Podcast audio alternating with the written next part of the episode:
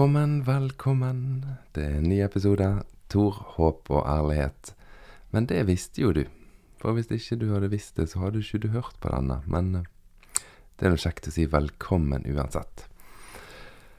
Forrige uke så begynte vi å se på Forkynnerens bok, og det blir en slags eh, julekalender som varer ut dette året. Og jeg må si at eh, jeg syns jeg fikk litt sånn ufortjent eh, positiv tilbakemelding på, på den episoden, for det var jo ikke en episode som jeg hadde laget, kan du si. Les, vi leser jo mest. Le, jeg leser jo nesten bare fra Forkynnerens bok, men det, men det er jo en bok som kanskje mange av dere som lytter på, ikke har lest noe særlig i, og kanskje ikke har noe sånn veldig forhold til. Så kanskje det er derfor. Kanskje er derfor du syns det var kjekt å høre på, at du fortsatt er lytter, og du tar, tar og hører på denne episoden også. Det, det kan hende det er derfor. For det er nå engang sånn med disse her hellige tekstene at de, de inneholder jo veldig mye.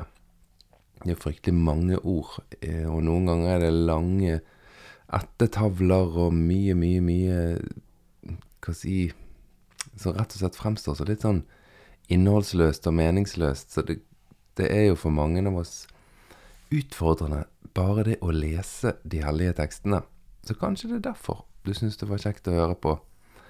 Fordi at da ble jo det en tid til å lese i de hellige tekstene. Eller rettere sagt for deg å høre de, fra de hellige tekstene. Så vi skal gå videre i dag. Minner kort om at uh, denne boken som vi leser nå, den er skrevet som om det var Salomo, kong Salomo, sønnen til David, som skrev, og som sa disse tingene. Det vet jo vi at det ikke var, men jeg syns det er ganske fint å tenke på Salomo mens jeg leser dette. For da er tradisjonen at han var gammel når dette ble skrevet, og at han hadde levd et langt liv med rikdom og med stor makt og med veldig stor visdom. Han var kjent for å være vis. Salomo, den viseste av alle kongene. Og så er jo tanken at han i sin, uh, sine voksne år bare nektet å forholde seg til Gud, men så på sine gamle dager så skriver han denne boken etter frafallet og etter han på en måte var kommet tilbake, så skriver han denne boken.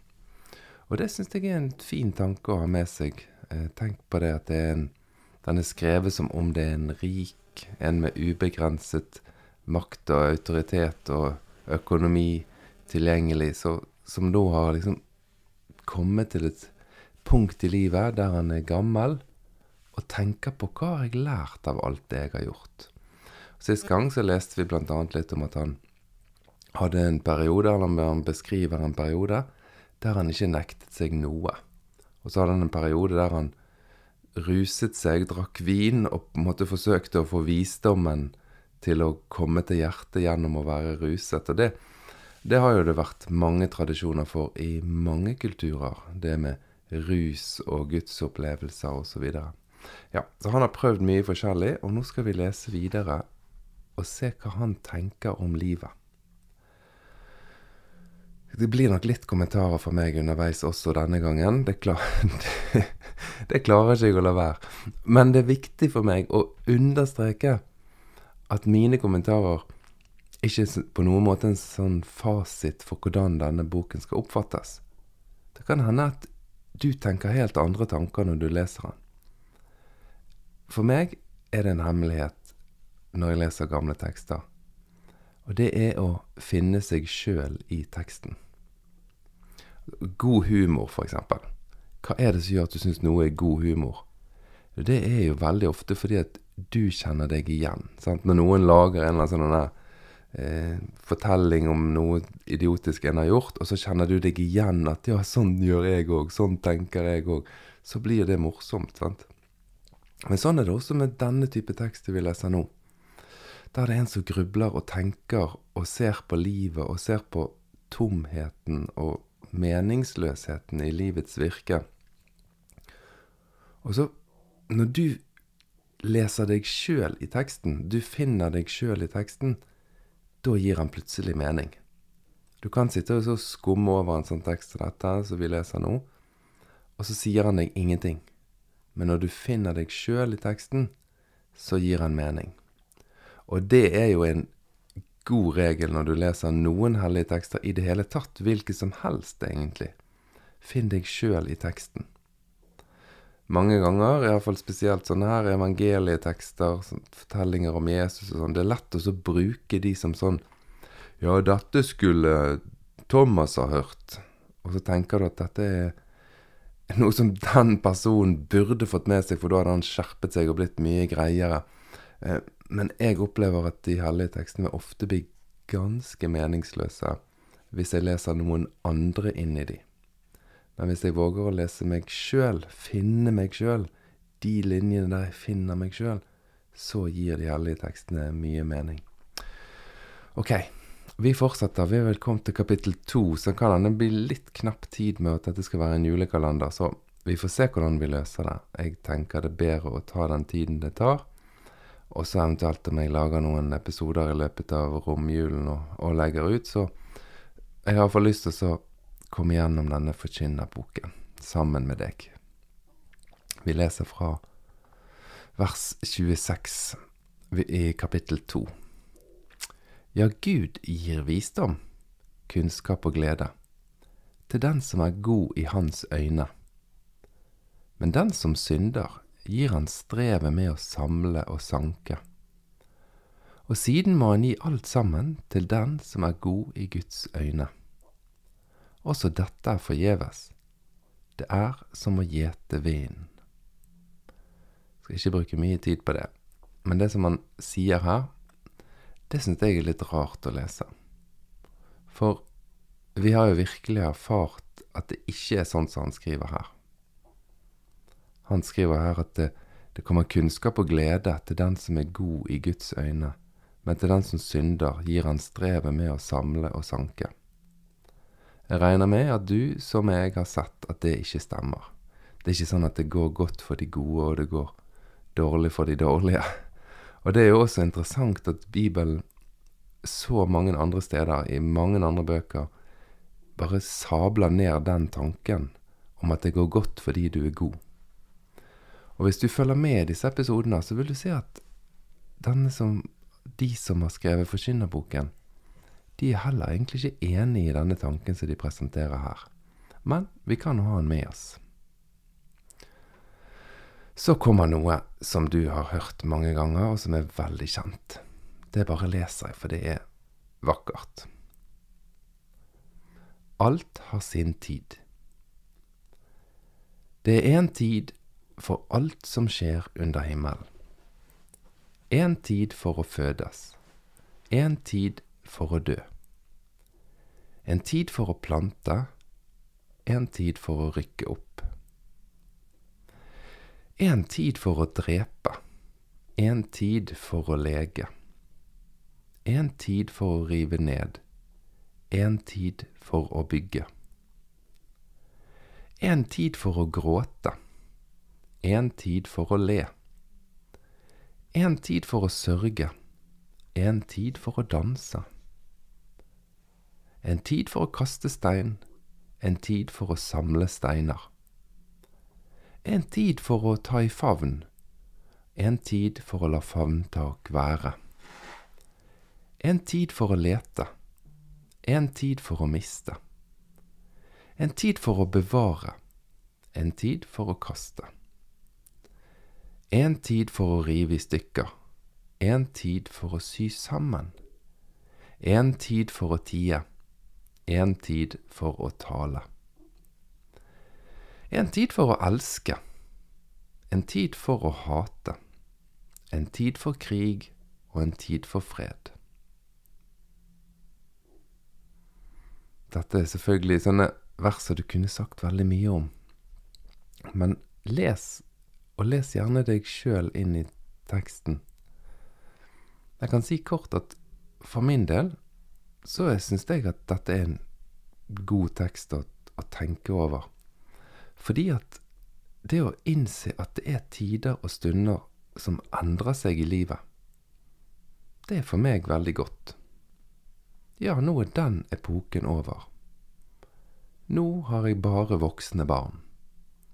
Nå er den epoken med små barn og fotballtreninger og kjøring og den type aktiviteter og fellesskap, den er over. Og hvis jeg skal leve da med en sånn, et, et sånn savn etter det som har vært, så tror jeg ikke at jeg er til stede i denne tiden som jeg er i nå. Ja, det var en tid jeg var kjedeleder til bords. Det var en veldig fin tid. Men nå er den tiden over. Jeg går ikke og savner og tenker at 'å, det skulle jeg gjort, jeg skulle fortsatt med det'. Nei, det var én tid, og nå er det en ny tid. Og for meg er det veldig godt. Og en annen ting som er veldig godt, er å se at ja, hvis noen av disse tidene som beskrives her, hadde vært hele tiden, så hadde ikke det vært så godt heller. Det er det at det veksler, ting endrer seg. Så la tidene være sesonger, da. Og tenk at ja, nå er den sesongen over, og nå er jeg i denne sesongen, og hvordan vil jeg at den skal være? Det kommer en litt brå overgang her. Vers 9 i kapittel 3. Hva har den som arbeider, igjen for alt sitt strev? Hm. Hva, hvorfor han Hvorfor sier han det etter alt dette her, alle disse oppramsingene om det er en tid for det, og så er det en tid for det? Og så sier han hva har den som arbeider, igjen for alt sitt strev?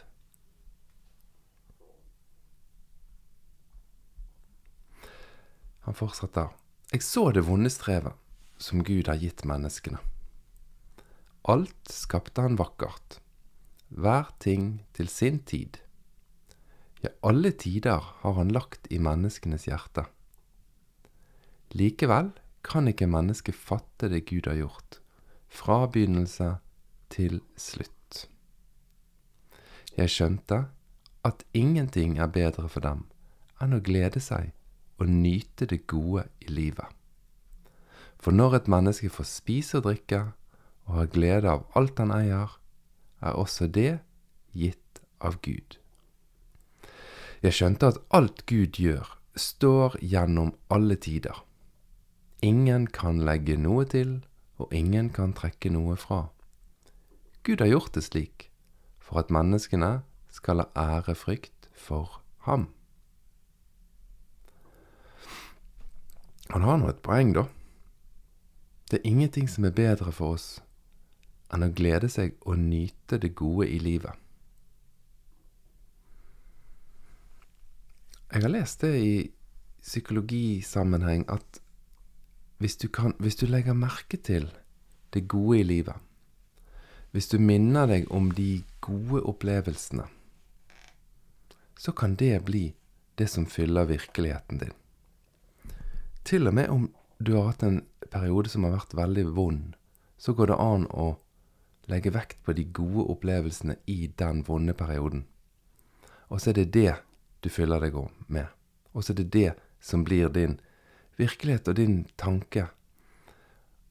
Og så kan du favne veldig om de vonde tingene som har skjedd i den perioden. Og så kan du sitte igjen med en følelse av at det er ingenting godt i mitt liv. Men han sier jeg skjønte at ingenting er bedre for dem enn å glede seg og nyte det gode i livet. For når et menneske får spise og drikke og har gleden av alt han eier, er også det gitt av Gud. Jeg tenker nok at han gir en åpning for at du kan ha lov å sette pris på livet og de gode stundene, og at det er bra for oss.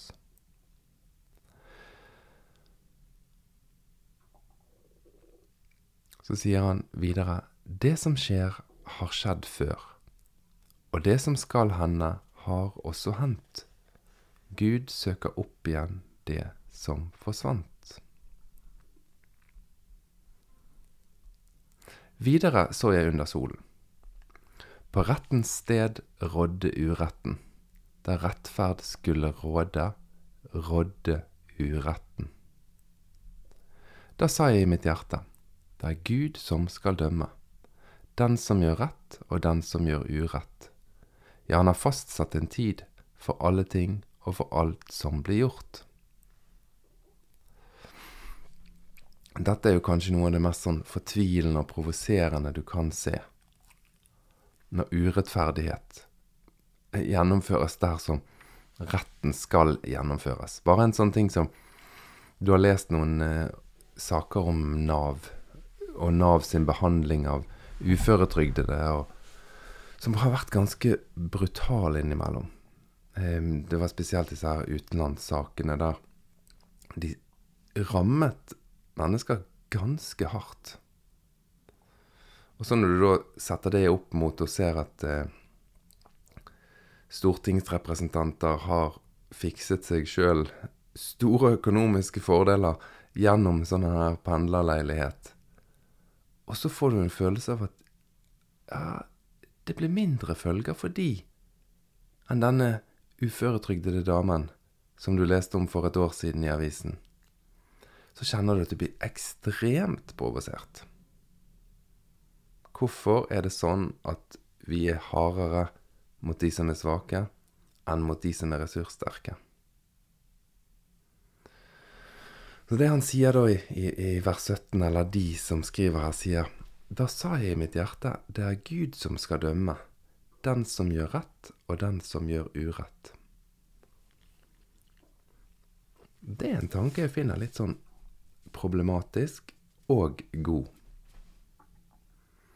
På mange måter så kjenner jeg at det gir meg litt fred å tenke at vet du hva, vi skal alle stå ansvarlig for valgene, prioriteringene og livet vi har levd. Men på en annen side så kjenner jeg at at det er litt rett i at hvis de tenker det, så blir religion som opium for folket. For da tar ikke vi tak. Og da unngår vi å si at nei, det som er feil, skal dømmes feil. Det som er urettferdig, skal dømmes som urettferdighet her i livet. Hvis vi skyver alt fra oss og sier nei, det er Gud som skal ta seg av det der. Det er Han som kommer til å gjøre det rett til slutt. Åh, da føler jeg vi fjerner oss fra livet. Men samtidig, hvis jeg snur på det, og har det som en sånn personlig bevissthet at ja, jeg er ansvarlig for mitt liv. Jeg skal en eller annen gang stå ansvarlig for mine handlinger og mine valg og mine prioriteringer.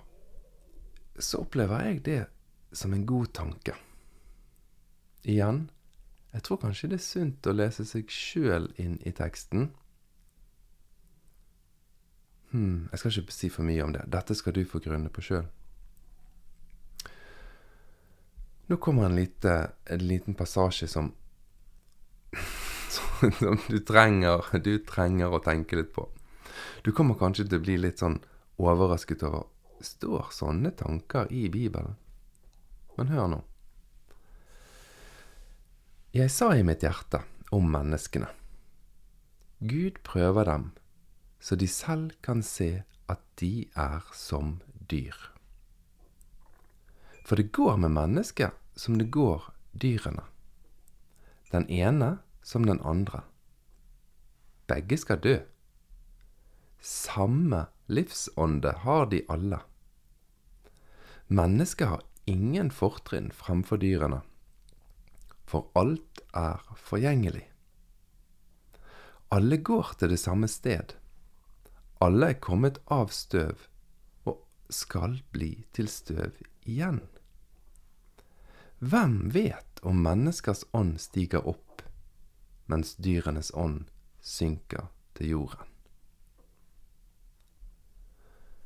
Dette her er jo ikke til så mange eh, naturvernere og, dy dyre dyrevelferdsforkjempere som hadde tørt å si noe særlig mer radikalt. her. Menneskene og dyrene har samme livsånde. Menneskene har ingen fortrinn fremfor dyrene for alt er forgjengelig. Hva sier det til oss, da? Hva sier det om skaperverket? Og vår livsånde som fortelles om i Første Mosebok at Gud pustet på oss og ga oss livsånden sin. Og så sier forfatteren og forkynneren her at menneskene og dyrene har samme livsånde, og alt er forgjengelig. Hvem vet om menneskers ånd stiger opp, mens dyrenes ånd synker til jorden? Nei, hvem vet nå det? Kanskje hvis vi tar Bibelen på alvor, så har den ganske mye å si til oss om måten vi forholder oss til dyrevelferd hele tatt skaperverket.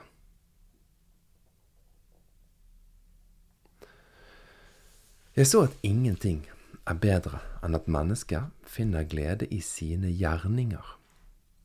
Dette er den lodd det har fått. For hvem lar mennesket se det som siden skal komme? Dette er interessant for meg. Jeg så at ingenting er bedre enn at mennesket finner glede i sine gjerninger. Det er sånn at hvis du går langt nok inn i grublingen og prøver å finne en mening med livet, så tror du ender opp helt på bar bakke. Du bare sitter der og kjenner Nei, det er ingen mening.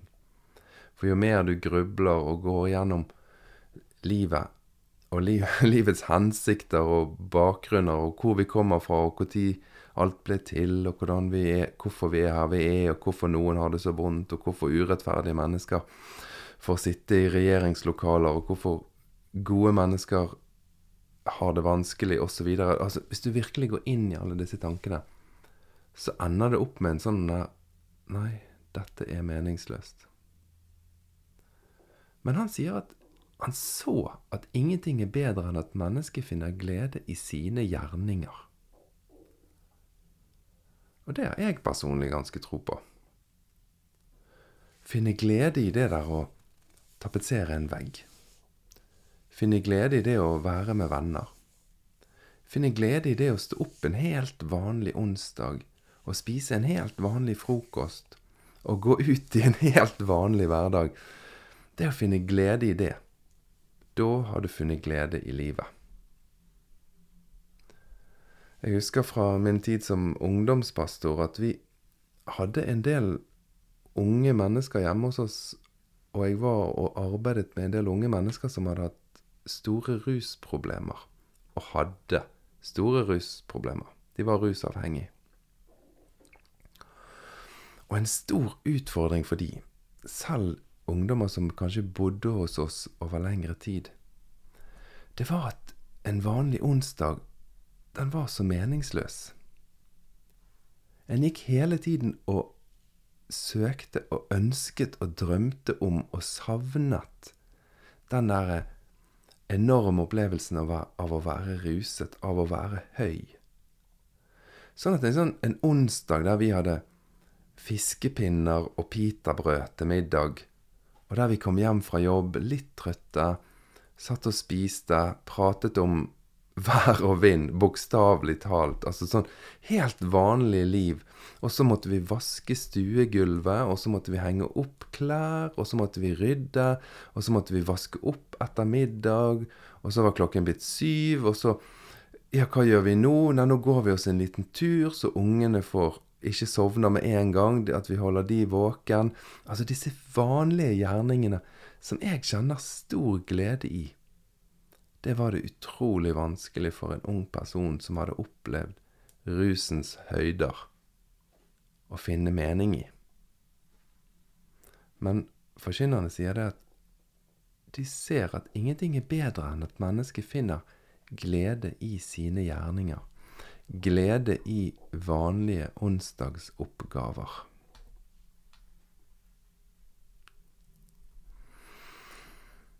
Vi skal snart gå for en landing, så ikke det blir så enormt mye for deg. Jeg håpte på at vi skulle komme gjennom, gjennom kapittel fire i denne episoden. Jeg tror ikke vi kommer fullt så langt, men vi skal ta litt til.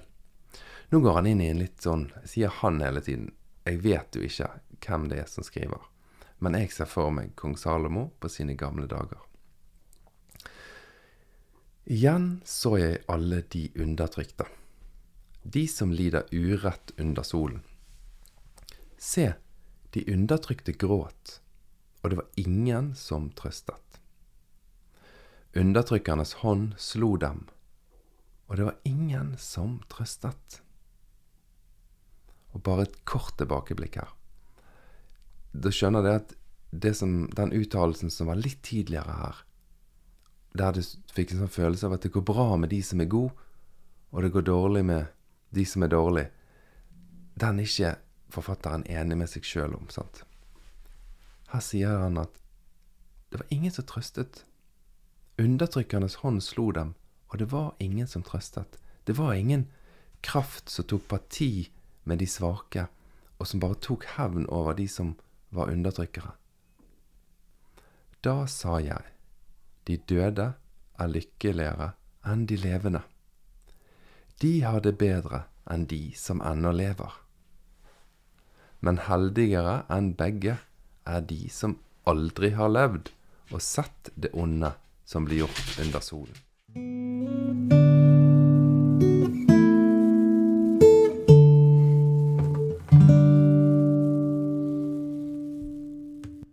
Ja, jeg måtte bare slippe ut en hund fra kontoret. Jeg har lagt å sove i, i kurven sin her ved siden av meg mens jeg gjør opptaket.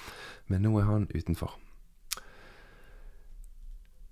Da sa jeg, de døde er lykkeligere enn de levende, og de har det bedre enn de som ennå lever. Men heldigere enn begge er de som aldri har levd og sett det onde som blir gjort under solen. Jeg kan skjønne han. Når jeg leser Flyktninghjelpen sine nyhetsbrev, eller Leger uten grenser sine nyhetsbrev, så, så får jeg denne følelsen her. De heldigste er de som aldri har blitt født. Dette er urimelig. Når jeg eh, leste noen eh, skildringer fra flyktningleiren i Lesvos, leste om en eh, liten gutt som hadde gikk aleine uten foreldrene sine, for foreldrene var døde. Han gikk aleine rundt i leirene med en knekt arm. Og ingen kunne snakke med han, han, han forsto ikke hva som ble sagt, han hadde bare vanvittig vondt. Og, og den arbeideren som var der og skulle prøve å hjelpe denne gutten Når, når jeg fikk den beskrivelsen, så kjente jeg på det som denne personen, disse personene som skriver Forkynneren, kjenner på her. Heldigere enn begge er de som aldri har levd og sett det onde som blir gjort under solen. Det føles plutselig sånn urettferdig urettferdig at mennesker blir født. I hvert fall hvis de blir født til et sånt liv. Et liv uten rettigheter, uten beskyttelse og uten vern. Da ville jo det vært bedre for det barnet å ikke blitt født. Men så er det noe merkelig med dette livet at vi som er født, også de som har det veldig vondt, det er en enorm kraft i livet vi ønsker å leve. Men er vi helt ærlige med hverandre, så ser vi at for mange ville det vært bedre å ikke være født. Forkynneren sier de døde er lykkeligere enn de levende. De har det bedre enn de som ennå lever. Men heldigere enn begge er de som aldri har levd og sett det onde som blir gjort under solen. Jeg så at alt strev og all dyktighet kommer av at den ene misunner den andre. Også dette er forgjeves. Det er som å gjete vinen. Dåren legger hendene i fanget og tærer på sitt eget kjøtt. Bedre med en håndfull ro enn begge hender fulle av strev. Det er som å gjete vinen. Igjen så jeg på det som er forgjeves under solen. En mann kan stå helt alene, uten både sønn og bror. Og likevel er det ingen ende på alt hans strev. Øynene hans blir ikke mette av rikdom. Hvem er det da jeg strever for, så jeg nekter meg selv alt godt? Også dette er forgjeves og et ondt slit. Og Det syns jeg er en fin tanke her, som jeg ikke helt klarer å kjenne meg igjen i. Det er så selvfølgelig for disse forfatterne at det vi jobber for, det er å levere noe mer til den neste generasjon. Og til de som kommer etter oss. Og det tror jeg er en tanke som vi har mistet litt. Men han, han tar det opp som en problemstilling her. For en mann som jobber og strever, og aldri bli mett av rikdom, selv om han ikke har verken sønn eller bror, det opplever forfatterne helt meningsløst. Men for oss i dag så vil vel vi se på det som en viss mening i å lykkes og arbeide hardt, selv om du ikke vet hvem som kommer til å overta etter deg. Men det er på en måte det ytterste meningsløse for disse forfatterne. En som strever uten ende, selv om han er uten både sønn og bror. Jeg er ærlig talt ganske glad for at det ser ut for å vokse frem en tanke om at det å leve alene, uten sønn og bror, uten barn, kanskje også uten ektefelle, det kan være et like meningsfullt liv som hvilket som helst annet liv.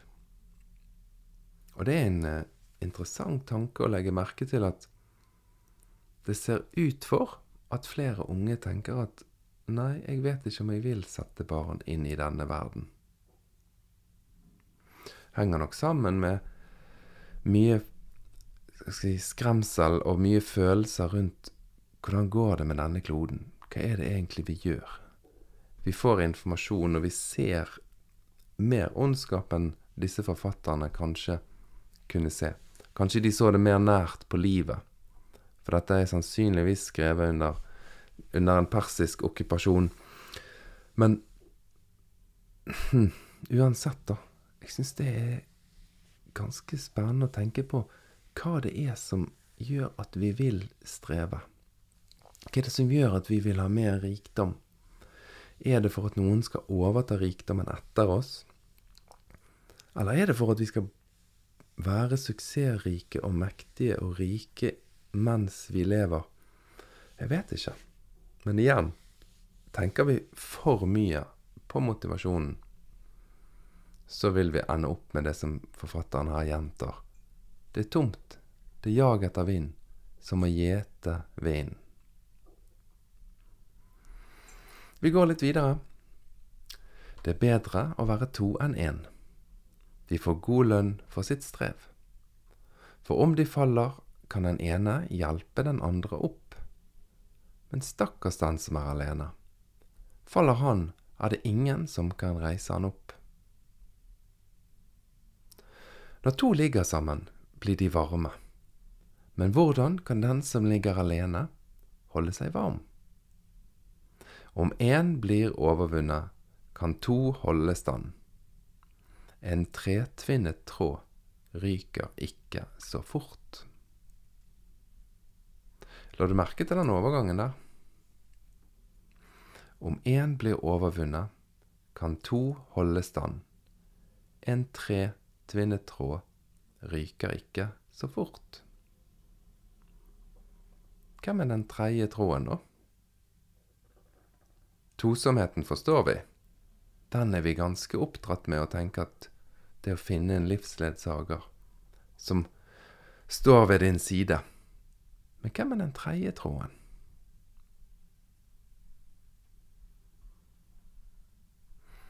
Vers 13. Det er bedre med en fattig unggutt som er klok, enn en gammel konge som er dum, og ikke lenger har vett til å la seg advare. En som kom ut av fengselet, ble tatt til konge. Men ennå mens han regjerte, ble det født en fattig gutt. Jeg så hvordan alle mennesker som vandret omkring under solen, sluttet seg til denne nye som skulle ta kongens plass. Det var ingen ende på alt folket som han ble fører for. Men heller ikke han ble til glede for dem som kom etter. Også dette er forgjeves, som å gjete vind. Vokt din fot når du går til Guds hus. Det er bedre å komme dit for å lytte, enn å bære frem offer slik dårer gjør. De vet ikke annet enn å gjøre det onde. Vær ikke for snar med munnen, og la ikke hjertet forhaste seg når du vil tale et ord for Guds ansikt. For Gud er i himmelen, og du er på jorden. La derfor dine ord være få. Skummelt, da, for en som driver podkast. La ordene være få. Og noen ganger når jeg lager podkast, så kjenner jeg Tor, nå er det nok ord. Nå sier du altfor mye. Det blir så mye prat. Og som en eh, prest sa Det blir for mye ord og for lite kjærlighet. Noen ganger kjenner vi på det. Prat, prat, prat, prat, prat, diskusjon, debatt. Bruke store ord, mene store ting om ting vi ikke har greie på. Og så kjenner du bare Slutt å prate. Slutt å mase. Du og meg, vi er noen støvkorn på en stein som suser gjennom et gigantisk univers uten noen grenser. Og likevel så blir vi innimellom så stor i ord at det er helt å bli flau av. Og dette blir avslutningen på denne luken i kalenderen. Kanskje du syns dette var en litt sånn tung slutt, men det kommer mer. Og dette er en bok som du må fullføre. Forkynneren er den boken som ga meg mening i en periode der jeg opplevde at de andre bøkene i Bibelen ga meg lite mening. Men den må leses helt ut. Fra begynnelse til slutt for at den skal gi mening. Men jeg elsker virkelig, liker så godt disse forfatterne her de våger å stille alle spørsmålene som vi vanligvis ikke våger å stille oss, verken i menighet, kirke eller ellers i samfunnet. For det å virkelig kjenne på hva som er meningen Ja, nå sa jeg i sted at det kan være litt farlig, for meningen er kanskje bare å nyte av våre gjerninger. Men jeg tror at hvis vi bare nyter av våre gjerninger, så blir det også tomhet. For det er en tid for alt. Vi snakkes igjen neste fredag klokken 07.00, og vi fortsetter med Forkynnerboken. Ha en riktig god uke så lenge.